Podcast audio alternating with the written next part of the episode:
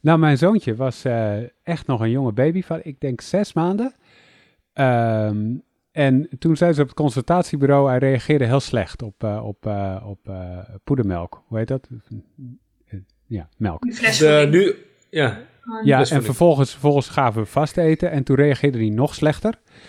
En toen zeiden ze, joh, denk eens aan allergieën en intoleranties en zo, bijvoorbeeld celiakie. Nou ja, dan ga je dat hard googlen als, als jonge ouder zijnde, want je googelt alles. En toen dachten we, proberen gewoon alles een weekje uit. Um, of in elk geval een paar dagen, kijken of het wat, doe, wat doet. En toen, toen hadden we dus een, een glutenvrije, glutenvrij weekje gedaan. En, uh, en toen ging dat ontzettend goed. En toen dachten we, aha, dat, dat is het dus. En toen hebben we dus een aantal maanden lang hebben we uh, voor hem in elk geval glutenvrij uh, eten gemaakt. En ook voor onszelf dus wel deels allemaal dingen in huis gehaald en gezorgd dat het allemaal kon. Zelf brood gebakken zonder gluten, wat echt nog lastig is. Um, en dat soort zaken. En uh, nou ja, na zes maanden of zo hebben we het weer geprobeerd. En toen bleek, toen bleek dat het het helemaal niet was. Dus toen hebben we dat weer allemaal afgeschaft. Maar zo ben ik een beetje in die wereld toch nog gedoken, een aantal jaren geleden. Oh, ik ben wel benieuwd hoe je na deze podcast over dit advies uh, denkt. denk je dat het anders is? Dat denk ik wel, ja.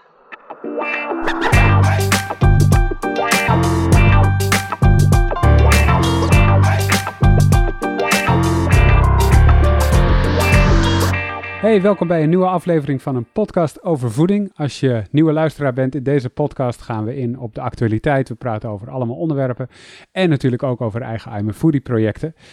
Uh, en vandaag hebben we Gabi Herwijer te, gast. En Gabi, uh, als je deze podcast al sinds begin luistert, is zeker geen onbekende. Want we hebben natuurlijk al eerder een uh, show opgenomen over prikkelbare darmsyndroom. Ik zat daar trouwens niet bij, maar Bart wel. Bart is natuurlijk ook weer bij. Hallo Bart. Hey, hallo Arnoud. Hey, en ik wil gelijk even wat uh, zeggen, want uh, we hebben twee nieuwe vrienden erbij. Yeah. Ja! dus uh, ja, ja, zeker. Um, en uh, sommige mensen denken, hè, vrienden, waar heb je het over? Nee, dit gaat om dat je onze show kan steunen via vriendvandeshow.nl. En, um, Ma en Marion kunnen we als nieuwe vriend welkom heten en Thijs. En uh, nou, dat is dus bij uh, deze. En toevallig kreeg ik ook nog een mailtje van iemand die zei van... ik wil jullie graag gaan steunen. Um, ik wil het alleen niet via Vriend van de Show gaan overmaken... want die houden ook waarschijnlijk wil je een commissie over, et cetera. Uh, en ik wil het gewoon dat, dat jullie er echt het, kunnen, het goed kunnen besteden. Dus nou, dat vond ik sowieso ook een compliment en leuk om te horen. Maar ik vind het sowieso goed ook dat er initiatieven zijn zoals Vriend van de Show... om het juist breder te gaan trekken. Maar nou hopelijk als er andere mensen zijn die het horen van check, check it out bij uh, slash pof. Yes, top. Nieuwe vrienden via welk platform ook. Dank jullie wel. Uh, Gabi, uh, yes. laten we beginnen bij, uh, bij waar we eigenlijk altijd wel beginnen. Wat is je grootste voedingsfrustratie van de afgelopen tijd? Nou, um, die, die is wel een beetje in het verlengde van, van het onderwerp waar we het over gaan hebben. En dat is uh, glutenvrij eten bij celiakie, maar in dit kader glutenvrij bestellen. Want vanwege corona moeten we allemaal ons eten bestellen tegenwoordig en kunnen we niet uit eten. En is het wat lastiger af te stemmen dat iets glutenvrij moet zijn. Maar waar mijn frustratie eigenlijk zit, vooral is dat alle restaurants hele mooie pakketten aanbieden. En in dit geval een sushi pakket. En ja, ik vraag me altijd of het ook glutenvrij kan of mag. Waarbij we al meerdere keren een soort van preek hebben gekregen dat de kok aan elk pakket een wijziging moet toevoegen vanwege een dieetwens of een andere wens. Uh, en dat dat niet zo door kan gaan. Zeg maar. Dus ze bieden goedkopere pakketten aan om makkelijk te kunnen bezorgen. En daar kunnen, het is blijkbaar voor hun heel vervelend om daar wijzigingen aan toe te voegen. En dat snap ik wel. Maar mijn frustratie is natuurlijk dat het vooral heel vaak gebeurt. En als je kijkt naar hoe vaak allergieën echte allergieën voorkomen, is dat niet mhm. zo vaak als deze kok aangeeft, zeg maar. En daar zit dus gelijk mijn frustratie dat er heel veel allergieën worden doorgegeven die waarschijnlijk niet per se een allergie zijn. En dat daar de mensen met de echte allergieën onder moeten lijden. Ja, en hoe komt dat dan? Dat, dat, dat, dat zoveel mensen een allergie doorgeven, terwijl dat misschien helemaal niet zo is? Ja, dat is, dat is een goede vraag. Ik denk wel dat mensen misschien gevoelig reageren op dingen, maar of bepaalde voedingsmiddelen niet willen. Ja, ik weet het eigenlijk niet. Maar Waarom zou dat zijn? Ja, maar nou ja, ik, ik kan me voorstellen dat het misschien wel een soort van trendgevoeligheid is of zo. Dat mensen denken, oh ja, ik heb een beetje altijd een beetje een volle buik als ik dit, dit heb gegeten. Dus ik zal wel zeggen van, uh, ik ben uh, gevoelig voor uh, knoflook of een andere of iets met melk of zo. Omdat ze begrijpen zeggen, nee, het mag alleen maar haven en havermelk zijn. Omdat ze denken van dat koemelk heb ik dan ook een allergie bij. Dus ik was even, en omgedraaid was ik even benieuwd. Welke top 5 allergieën zouden dan wel heel relevant zijn voor een kok om te weten dat je denkt, oh, hier moet je echt rekening mee, houden. Want in jouw geval met celiakie, ik heb een beetje kennis van, maar ja, we gaan het straks uh, verder uh, erover door. Ik kan me voorstellen dat, het, dat jij er echt heel veel last van kan hebben. Ja, als er geen rekening mee wordt gehouden. Ja, precies. Ik denk vooral dat het voor een kok belangrijk is te om te weten hoe ernstig je allergie is. Dat, dat is denk ik meer. Want heel veel mensen reageren, denk ik, of er zouden wel veel mensen gevoelig kunnen reageren op dingen waar gluten in zitten. Of het dan de gluten zijn, gaan we het straks over hebben. Ehm, maar als je er ook aan bij, bij aangeeft wat de ernst is, maakt het een stuk duidelijker. Dus voor mij moet het echt strikt glutenvrij. Schone snijplank, alles uh, helemaal schoon. Um, terwijl als je misschien een beetje minder dat dat beter voor jou is, dat is een heel ander uh, werk voor de kok. Maar om op jouw terug, vraag terug te komen, Bart, ik denk dat het vooral heel belangrijk is dat, uh, dat een kok weet wanneer iemand er een, een shock van kan krijgen. Zoals we van de noten- en de pindaallergie bijvoorbeeld kennen. Precies, ja. Um, en ik denk dat het belangrijk is dat ze dus weten van, oké, gaat het om celiakie of gaat het om een gevoeligheid zoals de knoflook, zoals je aangaf. Ja, Nee, precies, want we, ik ben nog wel in het pre-corona-tijdperk ben ik ook wel eens met een paar mensen gaan eten. En uh, de een iemand had ook een, een notenallergie, maar dat ook, ook echt een, een, spuit bij zich. Dat hij zei van, joh, als wat is of zo, dan moet, moet, je, moet je die spuit erin uh, in rossen. Ja. Dat vond ik best wel heftig, maar uh, ja. dat maar celiakie is geen allergie, dus daar, gaan we, dus daar heb je dat niet bij. Nou, er ligt nu één vraag ontzettend voor de hand natuurlijk. Wat is celiakie dan wel? Ja, Um, nou, eh, als we heel precies willen zijn, dan is celiakie dus geen allergie en het is ook geen intolerantie, maar het is een auto-immuunziekte. En wat kenmerkend is aan auto-immuunziektes, is dat er iets lichaams-eigen wordt aangevallen. Dus bij diabetes type 1 zijn dat bijvoorbeeld cellen in de alvleesklier, bij reuma zijn het de gewrichten, bij um, vitiligo, waarbij je de witte vlek op de huid krijgt, is het het pigment. En bij celiakie wordt onder invloed van gluten de darmwand beschadigd. Dus het is een auto-immuunziekte waarbij je een glutenvrij dieet moet volgen om geen reactie uit te lokken. Want wat, gebeurt er, wat gebeurt er als je, als je, jij hebt celiakie, dat, heb je nu al een paar keer, wat gebeurt er als jij gluten binnenkrijgt? Ja, als ik, als ik gluten binnenkrijg, dan ontstaan er eigenlijk in de dunne darm uh, ja, ontstaat er een reactie uh, op mijn eigen darmwand, waardoor mijn darmwand vlakker wordt. Dus normaal, als je de dunne darm ziet, dan ziet hij er een beetje uit als een uh, accordeon, dat muziekinstrument. Dus je kunt hem helemaal uittrekken en weer terug. Die, die plooien, of noemen we ook wel vlokken, die zorgen ervoor dat je heel veel voedingsstoffen kunt opnemen. Dus dat de oppervlakte heel groot is. En bij celiakie worden die vlokken eigenlijk glad. En daardoor wordt het totale opnameoppervlak van de darm minder groot. En dat heeft allerlei gevolgen. Ja, want wat, hoe, merk je dat als je gluten binnen hebt gehad? Hoe, is, dat, is dat een simpel buikpijntje? Is dat heel veel buikpijn en moet je naar het ziekenhuis? Iets ertussenin? Um, nee, dat is, dat is uh, buikpijn en diarree vaak. Maar dat hoeft echt niet bij iedereen zo te zijn. Mm -hmm. celiakie kent heel veel symptomen. Uh, ik geloof wel honderd als je naar een bepaald onderzoek kijkt. Oh, wow. Um, en dat, het klassieke beeld is buikpijn, diarree en bij kinderen ook een achterblijvende groei bijvoorbeeld. Of dat ze afvallen, een afbuigende gewichtscurve. Um, maar ook uh, bloedarmoede, bijvoorbeeld een ijzertekort of vruchtbaar, verminderde vruchtbaarheid kunnen gevolgen zijn van celiakie. Maar dat wordt niet allemaal veroorzaakt door de gluten, maar meer door die verminderde opname die je die dan al jarenlang hebt. Ja, want hoe kom je erachter dat, dat iemand celiakie heeft? Nou, het begint meestal met de klachten. Niet altijd, maar meestal wel. En dan ga je eerst naar de huisarts toe. En ehm, als, als de huisarts ook aan celiakie denkt, zal die een uh, bloedonderzoek daarnaar doen. Nou, celiakie-specifieke antistoffen. En als die te hoog zijn, zal die je doorverwijzen naar een maagdarm-leverarts. Of in het geval van kinderen, een kinderarts. Mhm. En dan zijn er eigenlijk twee verschillende routes voor kinderen en volwassenen. Als kinderen hele hoge van antistoffen hebben en ze hebben super duidelijke klachten, dan wordt er nog één keer een controle uh, sorry, controle um, bloed geprikt.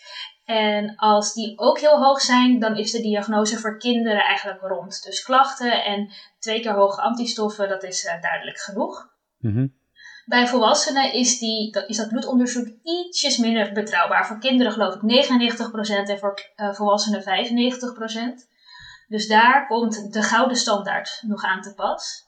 En die gouden standaard uh, houdt in dat er biopt wordt afgenomen van het uh, dunne darmslijmvlies. En dan wordt er gekeken of die vlokken zichtbaar zijn of dat het glad is.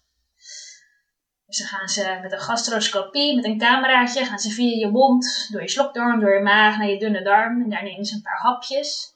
En dat bekijken ze vervolgens onder de microscoop. En dan kun je bij volwassenen kun je de diagnose stellen. En dan weet je het helemaal zeker dus. Dan weet je het helemaal zeker, ja. En heb je dan ook uh, levenslang? Je hebt het levenslang. Ja, je hebt het levenslang. Ja. En als je, daar, als je daarachter komt, wat, wat, wat kun je dan doen? Want Ja. je zegt het is een auto-immuunziekte, dus het is... Ja, Het, het- je moet dus zorgen dat die reactie in die darmen niet plaatsvindt van het, van het immuunsysteem. En dat kun je doen door geen gluten te eten.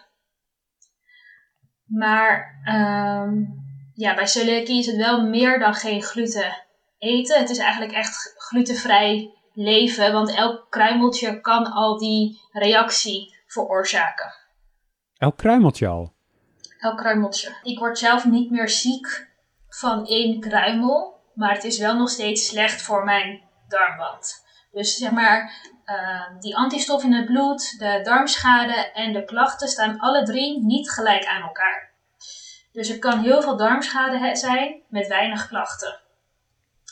Ehm, we weten bijvoorbeeld dat kinderen die het van jongs af aan hebben, zoals ik dat heb, dat bijvoorbeeld eh, na, de puber, of in en na de puberteit de fysieke klachten wat minder worden. Maar ja, je moet het dieet wel nog steeds net zo strikt volgen.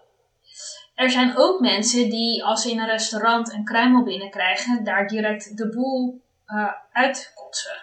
Dat kan ook. Dus die gelijk doodziek zijn en misschien wel twee weken ziek zijn. Toch. Wauw, dan ben je dus gewoon fulltime twee weken dat je gewoon met koorts op bed ligt. Nou, niet kort, maar vooral heel erg veel buikpijn en diarree bijvoorbeeld. Maar ja, dat is ook niet zo bij iedereen met celiakie. Dus die verscheidenheid is heel groot. En Dus- even wat, eh, b- wat breder trekken, het gluten, waar moet ik allemaal aan eh, denken dan? Hebben we alle producten al een keer genoemd? Of, eh? Nee, eh, dat is een goede Bart. Eh, gluten zitten in eh, bepaalde soorten granen. Eh, en dat, eh, om volledig te zijn is dat tarwe, rogge, gerst, spelt en korens van tarwe. Daar zitten gluten in ehm, die mensen, bij mensen met celiakie problemen kunnen geven. En die gluten die hebben hele handige eigenschappen. Dus ze geven elasticiteit aan brood en het is een mooi bindmiddel en daarom wordt het in allerlei producten gebruikt. Dus niet alleen in brood, koek, pasta en pizza, hè, waar we de tarwe eigenlijk echt zien aan deeg, maar het wordt ook in eh, medicijnen gebruikt, eh, als, als bindmiddel of opvulmiddel. In snoepjes wordt het gebruikt, in bouillonblokjes. Het zit echt overal in. En ook als er dan dus op de verpakking staat, er zijn sporen van gluten mogelijk, dan, eh, dan moet je dat als celiakie, eh, eh, als je die diagnose hebt, moet je dat al vermijden. Die term kan sporen bevatten van, die is ingewikkeld. In die zin dat wat achter ingrediënten staat op de verpakking, dat is in de wet vastgelegd. De, de glutenbevattende granen moeten daarop vermeld staan. En ook nog in een afwijkend lettertype. Vaak dik gedrukt of met hoofdletters zie je, Mhm. zie je die staan. Ehm, die term kan sporen bevatten van, of is in een fabriek gemaakt waar ook. Daar is geen eh, wetgeving voor.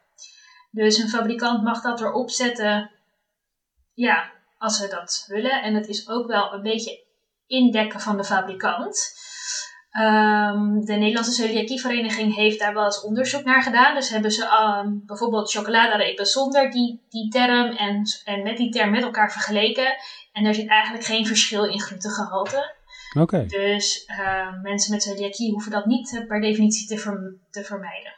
Maar wat uh, doe jij dan als, ja, moet ik zeggen, celiaak? Of, ja, zoiets, ja. ja, want een patiënt ben je niet, lijkt me toch? Ik bedoel, het is nee, meer dat jij hebt... woord. Nee, maar je hebt celiakie, maar laat jij nee. door beïnvloeden bij het maken van jouw keuze voor een product? Van, Ah. kan sporen bevatten of is gemaakt in een fabriek van, et cetera? Ik eet dat zelf wel en ik adviseer het mijn cliënten ook om te nemen. Want je beperkt jezelf onnodig als je dat blijft vermijden. En um, er is een groep mensen die nog, die nog veel, die heel gevoelig reageert. Nog gevoeliger dan anderen met celiakie. Maar ook aan die mensen kan ik niet hardop zeggen dat ze dat zouden moeten vermijden. Want er is gewoon echt geen bewijs dat die producten meer gluten bevatten dan producten zonder die claim. Ja. En dan, uh, jij hebt dan celiakie, want die diagnose is gesteld in het ziekenhuis, et cetera. Ja. Uh, heb je dan ook nog andere varianten, dat je zeg maar gluten intensief bent of zo, of gluten niet intensief, of uh, sensitiviteit, of die heb ik ook wel een beetje die begrippen gelezen ter voorbereiding op deze show? Ja, ja je hebt dus nog een groep mensen, um, daar wordt geen celiakie gediagnosticeerd, dus ze hebben die antistoffen niet en in de, in de darm is niks te zien uh, van die, aan die vlokken. Maar ze reageren wel echt beter op een glutenvrij dieet. En dat noemen we glutensensitiviteit. En wat is, Of- wat, is, wat, wat is de achtergrond daarvan? Want dan is het dus geen auto-immuunziekte. Het is niet zo Nee. dat er in die darmen iets... Wat is dat dan? Nee, we weten het dus niet zo goed. We weten ook niet wat er nou bij die mensen dan niet helemaal goed gaat. Er is ook geen diagnosemiddel voor, want we weten gewoon niet wat er in dat lichaam anders gebeurt bij deze mensen. Er wordt ook wel gediscussieerd van is het niet een soort voorloper van celiakie? Dus zijn het misschien mensen die over vijf jaar celiakie zouden ontwikkelen? Dat zou kunnen. En het wordt wel regelmatig verward met ehm, een prikkelbare darm en het vermijden van, van FODMAPs, waar we het in de vorige podcast over hebben gehad. Ehm, zonder al te veel te diepte ingaan, één van de FODMAPs heet fructane. En die zit ook heel veel in tarwe. Dus in tarwe heb je zowel veel fructane als veel gluten. Gluten zijn bekender, dus als je ervoor kiest om geen gluten te meer te gaan eten, dan ga je dus tarwe vermijden. Maar daarmee vermijd je dus ook een grote groep fructane. Het zou ook best wel kunnen dat je klachten daardoor dan minder worden. Dus het is lastig om echt het verschil te testen met glutensensitiviteit, maar dat kan wel door glutenpoeder toe te voegen of door speldbrood te eten, wat veel minder van die fructane bevat, maar wel veel gluten. Hey, maar uh, Gabi, ik, heb dan, uh, ik ben bij de dokter geweest. Uh, de testen zijn gedaan. Uh, de diagnose is dat ik dus geen celiakie heb. Kan ik er dan automatisch van uitgaan dat ik er wel glutensensitief ben? Of kan ik ook in een hele andere hoek gaan kijken dat ik misschien wel gewoon iets heb van prikkelbare darmsyndroom? Waar we het eerder over een podcast hebben opgenomen. Ja, die kans is wel groter hoor. Um, hè, dus als je met, met buikklachten naar de, naar de huisarts gaat, dan kan die besluiten om onderzoek te doen naar celiakie. Dus dan prikt hij uh, bloed naar die celiakie-specifieke antistoffen. En als die dan la te laag zijn, of laag zijn, dat is onder de 7, dan uh, is er geen sprake van celiakie. In de meeste gevallen. En dan ga je dus verder kijken van hè, wat is dan dat die buikpijn veroorzaakt. Dat kan, kan veel meer zijn. Dat kan ook uh, een uh, ziekte van Crohn zijn of een PDS zijn. Of dus een glutensensitiviteit. Maar dat is pas, dat kun je niet zo makkelijk stellen. Um, er is nog een hele kleine kans dat je wel celiakie hebt zonder dat je die antistoffen hebt. Maar dan moeten er echt meer aanwijzingen zijn om zo'n biop te ondergaan. Dus bijvoorbeeld als je ook hele ernstige voedingstekorten hebt of de klachten zijn zo passend en je hebt nog iemand in de familie met celiakie, dan zou je nog verder kun, kunnen onderzoeken naar celiakie. Maar in de meeste gevallen wordt er gezegd van nou, als je die antistoffen niet hebt, dan Want het is erfelijk? Uh, ja, normaal in de bevolking heb je ongeveer 1% kans op celiakie en een eerste graads familielid heeft 10% Ah, okay, ja. kans. Dus ik zei toen straks ook even van, meestal start het diagnosetraject met, met klachten. Hè? Je gaat met de klachten met de huisarts. Maar in sommige gevallen ehm, wordt bijvoorbeeld één kind uit een gezin mhm. gediagnosticeerd. En dan wordt er zogenoemde familiescreening gedaan. Dus dan wordt de eerste graad familieleden ook getest op die antistoffen. En dan wil het nog wel eens zo zijn dat er iemand uh, uitkomt zonder klachten of met minimale klachten die niet zo opvielen. En die dan toch celiakie heeft. Ja, dus dan, maar kan het ook dus dat je celiakie hebt en dat je er helemaal niet zoveel van voelt? Dat bestaat dus. Ja. Ja, ik had toevallig laatst ehm, een, eh, een tweeling in mijn praktijk, uh, waarbij de vader celiakie heeft. En die kindjes die worden dan jaarlijks gecontroleerd om te kijken of zij het ontwikkelen. En mijn moeder dacht gewoon dat ze één energieke had en één wat rustiger kind. Ehm, dus die was wel wat sneller moe en dergelijke, maar helemaal geen duidelijke klachten. En die bleek dus celiakie te, te hebben. Maar dat waren echt geen klachten waarmee je normaal oh, naar de dokter zou gaan. en als je eenmaal, als je eenmaal die diagnose hebt en, en, die komt dan bij jou in de praktijk, om maar eens een voorbeeld te noemen, en je, je weet er verder niks vanaf, je, je hebt het net gehoord, en je moet dus je hele voedingspatroon erop aanpassen. Hoe, waar begin je? Hoe doe je dat? Want in heel veel dingen die je normaal zou eten, of die in een normaal voedingspatroon wel zitten, die moet je dan eens weglaten. Ja. ja, meestal zijn mensen, als ze bij mij aankomen, meestal wel gestopt met, met brood, met mhm. pasta, met pizza. Dus uh, waar duidelijk deegwaren in zitten. Dat, dat lukt meestal wel. Maar dan zijn er eigenlijk ja, een paar dingen ja, waar we het echt over gaan hebben. Het eerste is, hoe lees je nou zo'n etiket? Hè? Wat we net ook al even benoemden. Hoe kom je er nou achter of er gluten in een, in een product zoals bouillonblokjes zitten? Ehm, nou, dat ga ik dan helemaal uitleggen. En ook met voorbeelden en ehm, ja, ingewikkelde etiketten. Je hebt bijvoorbeeld ook um, haver. En haver is van nature wel glutenvrij. Maar wordt in Nederland in het productieproces eigenlijk altijd heel erg besmet met tarwe. En dat is meer dan, dan sporen van.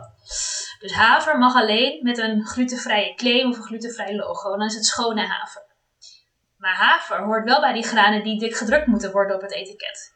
Dus dan krijg je soms op het etiket glutenvrije haver dik gedrukt. Nou, dat geeft verwarrende situaties. Nou, dat soort voorbeelden leg ik allemaal Dus het allereerst wat ik doe met mensen is etiketten leren lezen. Ehm, zodat ze niet meer op Google of op logootjes of op wat anderen zeggen hoeven te vertrouwen, maar dat ze zelf kunnen beoordelen: is dit product glutenvrij? Want daar kan je gewoon uh, heel veel mee. Ehm, vervolgens gaan we ook wat meer in op de striktheid van het glutenvrije dieet. Dus inderdaad, het vermijden van de kruisbesmetting. Schone snijplanken gebruiken thuis. Eh, schone boterkuipjes, schone pindakaas. Dus alles eigenlijk apart en schoon. Maar denk ook aan je vaatdoekje, wat echt een bron van kruimels is. Ehm, nou, allemaal van dat soort dingen gaan we bespreken. Ehm, we bespreken uiteraard ook het sociale aspect. En hoe je dat doet met uit eten gaan en met bij mensen eten. Want dat is ook een, uh, ja, een groot ding om aan te pakken bij celiakie. En ik merk nu in coronatijd dat het eigenlijk, als je nu de diagnose krijgt, best wel prettig is dat je eventjes zelf thuis eerst eraan kan wennen. Ja. Ik heb ook wel eens mensen die het vlak voor kerst of vlak voor de zomervakantie de diagnose krijgen. Dat is echt pittig. Als je het dan ook al gelijk helemaal naar buiten moet brengen en alles uh, moet toepassen. Ja, en hoe, zei, hoe is eigenlijk het, uh, de sociale acceptatie dan? Want je noemde hier net al wat, eh, wat bij het. Het is wel een enorme impact voor iemand. Als je dat dus uh, te horen krijgt. Uh, ik heb soms ook wel een beetje het gevoel dat het een beetje een hype is of zo. Dat als je ergens bent, dat je iemand hoort zeggen... Ja, nee, ik, ik neem even geen... Uh, dat, dat brood, ik, ik ga wel voor speldbrood, want daar zit, ja. zit geen gluten in. Terwijl ik heb jou net horen zitten van, daar zit er dan ja. wel weer gluten in, maar... Ja, het is inderdaad een beetje een hype. En nou, ik heb dus de diagnose ruim 25 jaar geleden gekregen. Toen kende echt nog bijna niemand het. En toen reed mijn vader nog eens in de zoveel maanden naar de andere kant van het land om daar een beetje betaalbaar inkopen te kunnen doen. En vervolgens kwam glutenvrij brood in de apotheek. Daar werd het verkocht. En nog weer iets later in de, alleen in de natuur- en reformwinkels. En nu zit het in elke supermarkt. En dat is eigenlijk wel een, een voordeel van die hype die jij uh, benoemt, Bart. Dat, het, dat de producten zo veel makkelijker verkrijgbaar zijn. Want waar vraag naar is, daar is aanbod. Um, Wat was je vraag? Maar is, uh, maar, ja, ja, nou, het, omdat of het ook een beetje een hype-gerelateerd onderwerp is. Want op zich, ik kan me voorstellen dat er is dan nu dat de reguliere supermarkten het ook aanbieden. Komt het omdat nu gewoon veel vaker de diagnose wordt gesteld, omdat ze weten hoe de diagnose gesteld moet worden? Of is het gewoon ook weer dat iedereen maar nu te pas en te onpas roept van ja, nee, ik ben uh, gluten-sensitief of het is misschien wel glutenvrij dieet is ook gezonder. Ik denk dat het een combinatie is. Ik denk dat de hype uh, er zeker aan heeft bijgedragen dat er meer producten zijn en dat dat nu wel, maar de hype lijkt wel een beetje over te vliegen, maar die producten blijven wel. Dus ik denk dat, zij, dat die hype heel erg geholpen heeft voor de mensen met celiakie om het aanbod omhoog te brengen, maar dat het er nu wel blijft. En ja, die hype, het is uh, denk ik echt alweer een aantal jaar geleden dat een paar bekende mensen, vooral uit Amerika, boeken hebben geschreven over hoe gezond glutenvrij zou zijn. Maar ja, gluten zelf zijn niet ongezond, maar soms wel de producten waar ze in zitten. Dus bijvoorbeeld als jij een normale witte boterham met speculoos eet en die vervangt voor een salade of een bakje kwark omdat je geen gluten meer wil eten, dan um, vervang je het gewoon door gezondere producten. En daardoor word je gezonder en val je misschien wel af. En niet omdat je gluten vermijdt. Want gluten kunnen gewoon hartstikke gezond zijn als je kijkt naar volkoren graanproducten bijvoorbeeld. Wat maakt het uit voor gezondheid? Of je een glutenvrij uh, voedingspatroon hebt? Of heb je daar nog steeds met dezelfde keuzes te maken om ongezonde of gezonde producten te kunnen kiezen? Ja, ook glutenvrij kun je heel ongezond eten als je dat uh, zou willen. Um, als je bijvoorbeeld kijkt naar uh, gluten, ja, dat glutenvrije schap in de supermarkt waar we het over hadden. Eigenlijk koop ik daar zelf nauwelijks wat van, ook al is het fijn voor mijn basisproducten. Maar het blijven ontzettend bewerkte producten en ze stoppen, er zelfs wat meer suiker, vet en zout in dan, de reguliere, dan het reguliere product. Om het een beetje lekkerder te maken, want je mist die elasticiteit van gluten. Ja, ja, ik heb er ook veel gestaan natuurlijk, een paar maanden lang uh, in, in, in mijn leven. Toen, uh, toen mijn kind dat dus uh, verdacht werd om het te hebben. Ik weet niet hoe je dat precies noemt. Toen, toen, toen dat idee er leefde. En toen viel me ook op dat, dat, zo'n schap is er dan.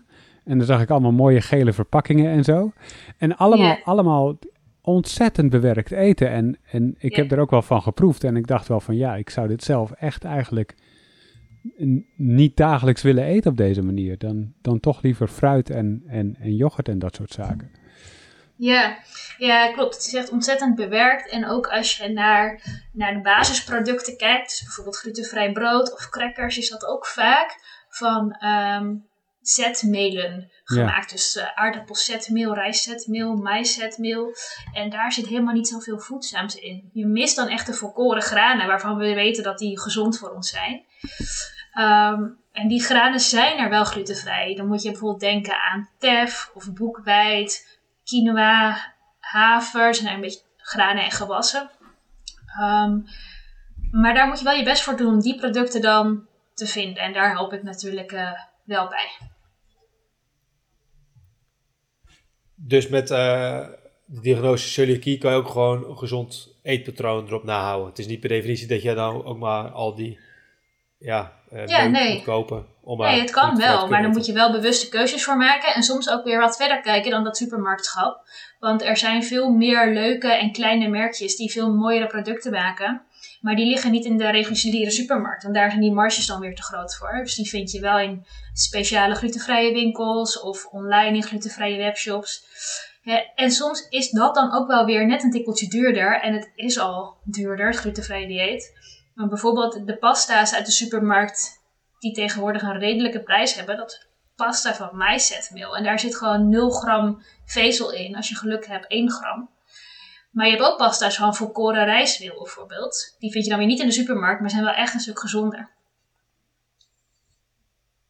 En qua smaak? Ik vind die ook echt lekkerder. Ja.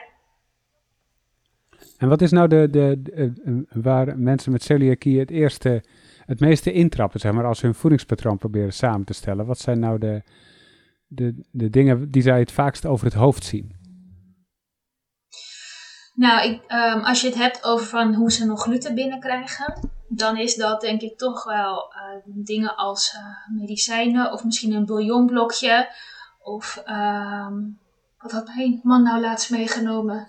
Oh ja, een fles uh, bak en braad. Vloeibaar bak en braad. Gewoon voor in de pan om te zorgen dat het niet aanbakt. Ja, dat gebruiken wij eigenlijk bijna niet. En opeens stond het in de koelkast. En ik dacht, hm? Dus ik zeg, heb je dit al gecontroleerd? Zegt hij, ah, zit het daar ook in? Ja, alles checken. Ehm, dus ja, echt dat soort dingen die, die, waar je het niet in verwacht en die je weinig gebruikt. Dat, is zeker wel, eh, dat zijn zeker wel foutjes die bij mij dus ook blijkt. Nou ja, eigenlijk na 25 jaar nog steeds gebeuren. Gewoon in je eigen koelkast belanden. ja, ja. Maar betekent overal dat je dan een dubbele ding van hebt? Bijvoorbeeld heb je dan twee potten uh, uh, Ja. pindakaas. Ehm, of is hij... Oké, dus eh, van alles Ja. heb je dan eh, dubbel. Ja, van wat we allebei gebruiken, daar is pindakaas wel een voorbeeld van. Maar halverine gebruik ik eigenlijk nooit en hij wel. Dus daar hebben we er gewoon één van, maar dat gebruik ik niet verder. Nee, maar als je bijvoorbeeld iets van humus hebt of babakanoes of dat soort dingen, dan, eh, en je eet het allebei, dan heb je dus twee bakjes, één voor hem en één voor jou. Om maar zeker te zijn dat het niet met elkaar Eh, besmet ja, ja, nou eigenlijk niet, want dat gebruikt. Eigenlijk zijn van dat soort dingen hebben we allebei een beetje onze eigen voorkeuren. Dus heeft ieder gewoon zijn eigen producten. En als hij dan een keer wel humus wilt, of we gebruiken het in een maaltijd of zoiets, dan doet hij het met een lepel pakken. Gewoon schoon een lepel. Ja, Oké, precies. het is niet zo dat, het- dat het dan helemaal niet, dat je er helemaal af moet blijven. Het, het kan wel, maar dan... Ja, je kunt het dus of oplossen inderdaad dat, dat er alleen met een lepel eruit wordt gepakt. Omdat er dus geen... eh, ja, want het probleem is dus dat je met een mes wat je al, waarmee je bijvoorbeeld je boterham al hebt besmeerd met boter, dat je die weer in de pindakaas of in de hummus doet. Dat kan niet, want dan breng je kruimels in het product. Ehm, maar als, ja, als, als het te weinig wordt gebruikt voor twee verpakkingen, en het is een vers product bijvoorbeeld, het is ook zonde als je dan steeds halve pakjes moet weggooien dan kun je het dus ook inderdaad oplossen dat, dat je gewoon met een lepeltje eruit pakt, op je brood gooit en dan pas uitsmeert. En ehm, maar nog even een, ehm, misschien dat de cirkel Ja. een beetje rond is dan hoor. Maar eh, heb, je, heb je nog eh, tips of zo? Hoe, wat is jouw aanpak als je uit eten gaat dan? Ga je eerst thuis het menu checken? Of bel je dan eerst wel de kok van joh, hey jongens, ik heb echt celiakie, dus bij het minste van Grieks, ik word echt ziek. En dat je dan hoort van, oh ja, dit is wel iemand die het serieus neemt. Of heb je gewoon al een top 5 van restaurants waar je woont, dat je daar sowieso kan halen? Of is er een Ja, website een beetje voor? Of, hoe, Ja, een beetje een combinatie van dit alles. Ik geef hier ook elk jaar een, voor de celiakievereniging een lezing over en dan praat ik hier een uur lang over. Ehm, maar met glutenvrij uit eten gaan vind ik het vooral belangrijk dat ik en, en andere mensen met celiakie eh, zelf de verantwoordelijkheid nemen en zelf actief ehm, het de kok of het personeel gaan uitleggen. En ehm, dat kun je inderdaad doen door van tevoren alvast restaurantjes eh, op te zoeken waar je goed glutenvrij kan eten, waar je bijvoorbeeld goede reviews over vindt of ehm, waar je zelf al een keer een goede ervaring hebt gehad. En dan is inderdaad mijn advies wel om een dag van tevoren alvast even een keer te bellen op een rust- rustig tijdstip. En te zeggen dat je komt met celiakie en of zij, ja, dat je goed vraagt of ze het begrijpen. En dat kun je het beste doen door, door open vragen te stellen. Want als je alleen vraagt, eh, kunnen jullie iets glutenvrijs maken? Dan zal het antwoord eigenlijk altijd zijn ja. Maar als je bijvoorbeeld vraagt van, eh, hoe gaan jullie om met een maaltijd die strikt glutenvrij eh, bereid moet worden? Of hoe bakken jullie je patat? Is dat in schoon vet? Of, of gaan er ook andere dingen in? Dus door dat soort vragen te stellen kom je wat meer ach- erachter of zij er erg verstand van hebben. En zijn er ook plekken op internet waar je dit soort ervaringen kan vinden van anderen? Als je de gewone Ja. reviews gaat kijken, staat dat er denk ik niet vaak in. Nee, gewone reviews niet heel vaak. Eh, je hebt wel diverse fora op Facebook met mensen met celiakie. En daar kun je eigenlijk altijd wel een vraag stellen van... eh, ik ga dit jaar naar, of ik ga dit weekend naar eh, Maastricht.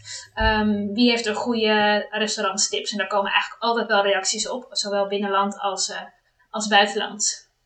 Maar Bart, ik ben ook wel eens benieuwd naar jou. Want ehm, wij zijn wel eens met onze partners en anderen uit eten geweest. En we zijn zelfs een keer naar Valencia geweest. En, ehm, want wat het, wat het punt vaak is met mensen met celiakie is dat ze zich bezwaard voelen ten opzichte van de rest. Maar ik weet dat jij nog in Valencia zei, oh, eh, ik vind het eigenlijk wel leuk om dit een keer mee te maken hoe dat is met jou uit eten. Ja, maar nu vraag je iets van een paar jaar nee, geleden. maar- ik weet gelijk wat nee, vorige week heb gedaan. in het algemeen. Er- hoe ervaar jij dat? Dat er dus inderdaad mensen aan tafel zitten die dan weer wat moeten vragen en check, check, dubbel check.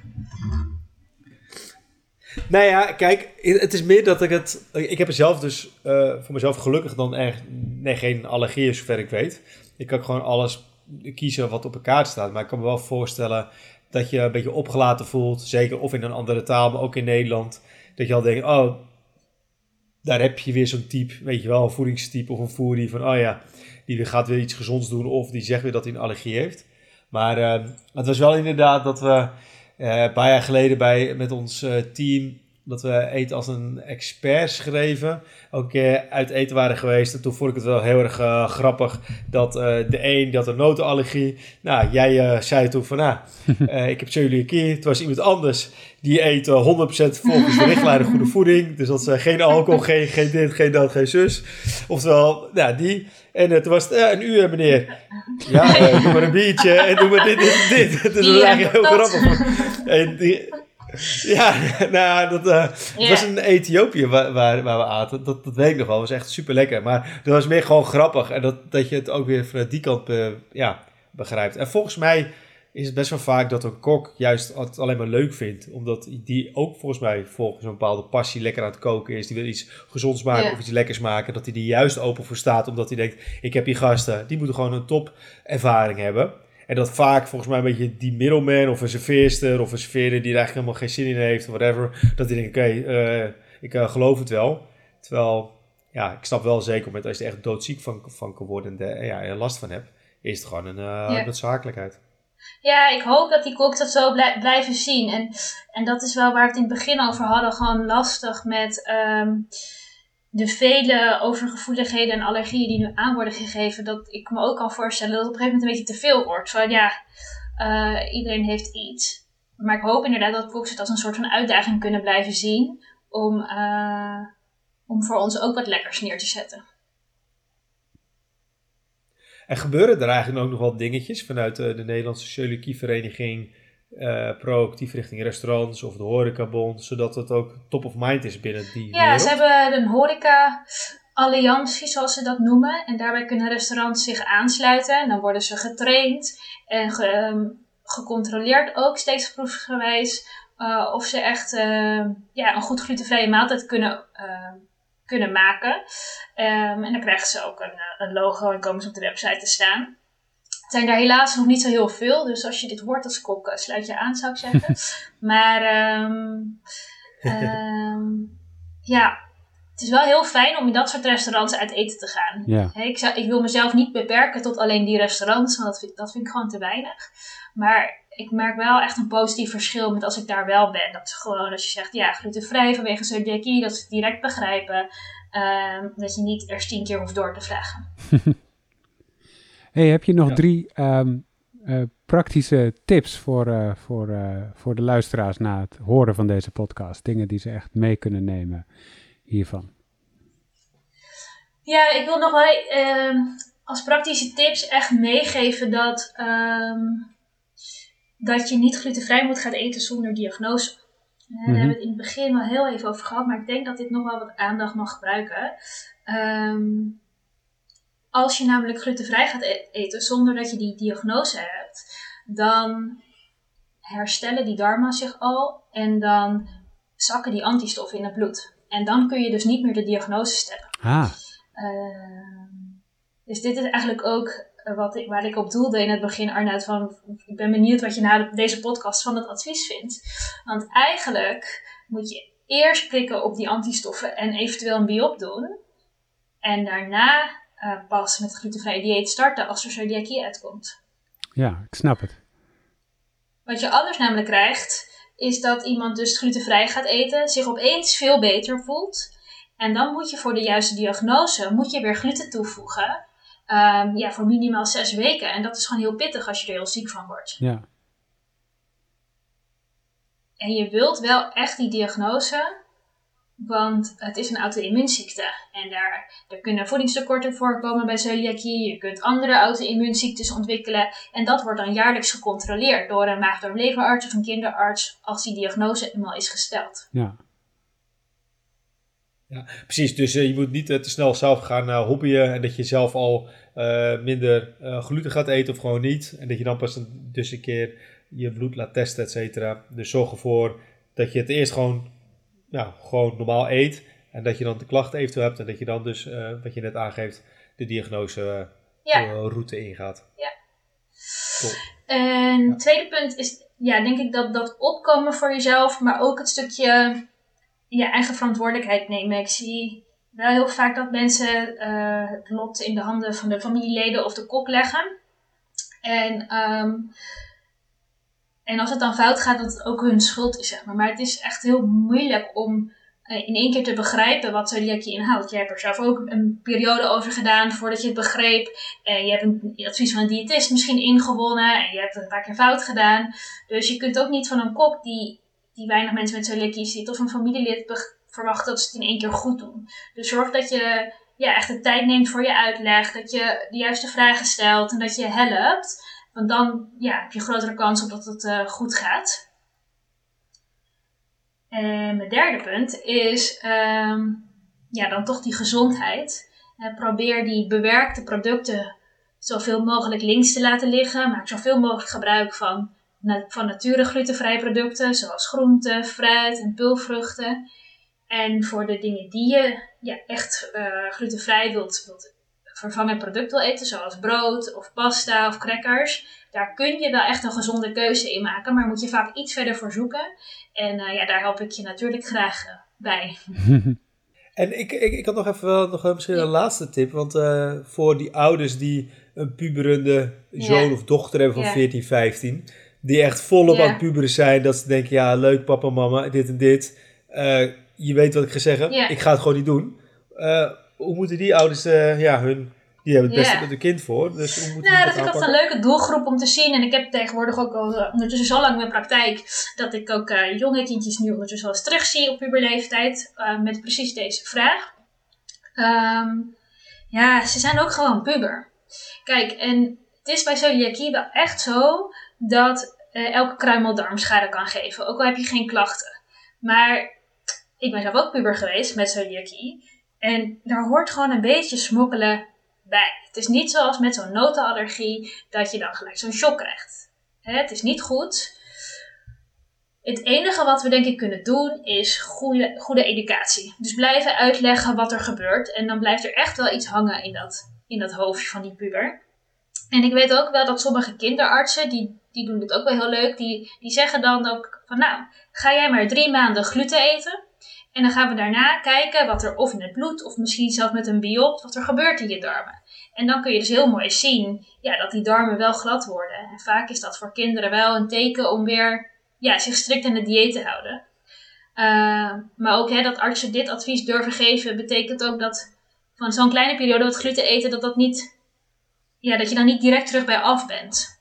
Ik wil het nu niet stimuleren hoor, maar het is... Uh... Nee, nee, precies. Nee. Ja. hey, en tot Okay. slot Gabi, uh, jij bent er nu twee keer in deze podcast geweest. Wie zou hier nog Ja. meer uh, in deze podcast uh, terecht moeten komen?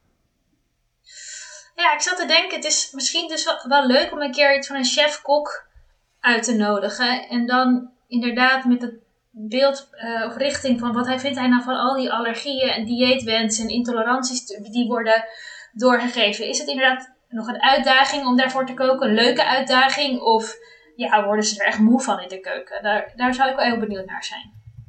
Oh, dat is wel een leuk idee.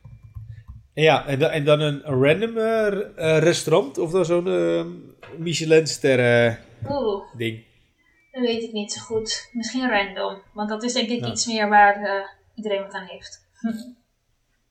Ja, precies. Ja. Yes, en okay. dan helemaal tot slot, zijn er nog uh, uh, plekken op internet waar je direct heen moet als je meer wil weten over celiakie en waar je goede info kan vinden?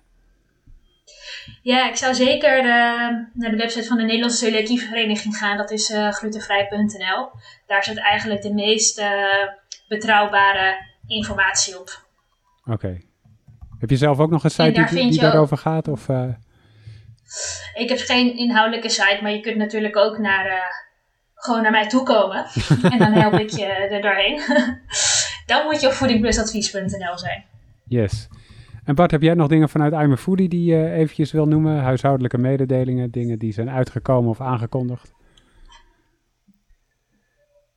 Um, nou, als deze podcast uh, live staat, dan uh, is ons uh, boek Intuïtief Eten is denk ik nog steeds verkrijgbaar. Dus die, ja, die wil ik graag nog onder de aandacht brengen. En we hebben er ook een, een nieuwe website voor opgericht. Dat is Centrum voor intuïtiefeten.nl. Als je naar intuïtiefeten.nu gaat, dan uh, ga je ook naar die site. En uh, binnenkort gaan we starten met uh, één op één coaching. Dus mocht je dat een interessant onderwerp vinden, dan check die website. hey, en dankjewel Gabi dat je, dat je erbij wilde zijn deze keer. Yes, heel graag gedaan. Dankjewel voor het luisteren en tot de volgende keer. Doei!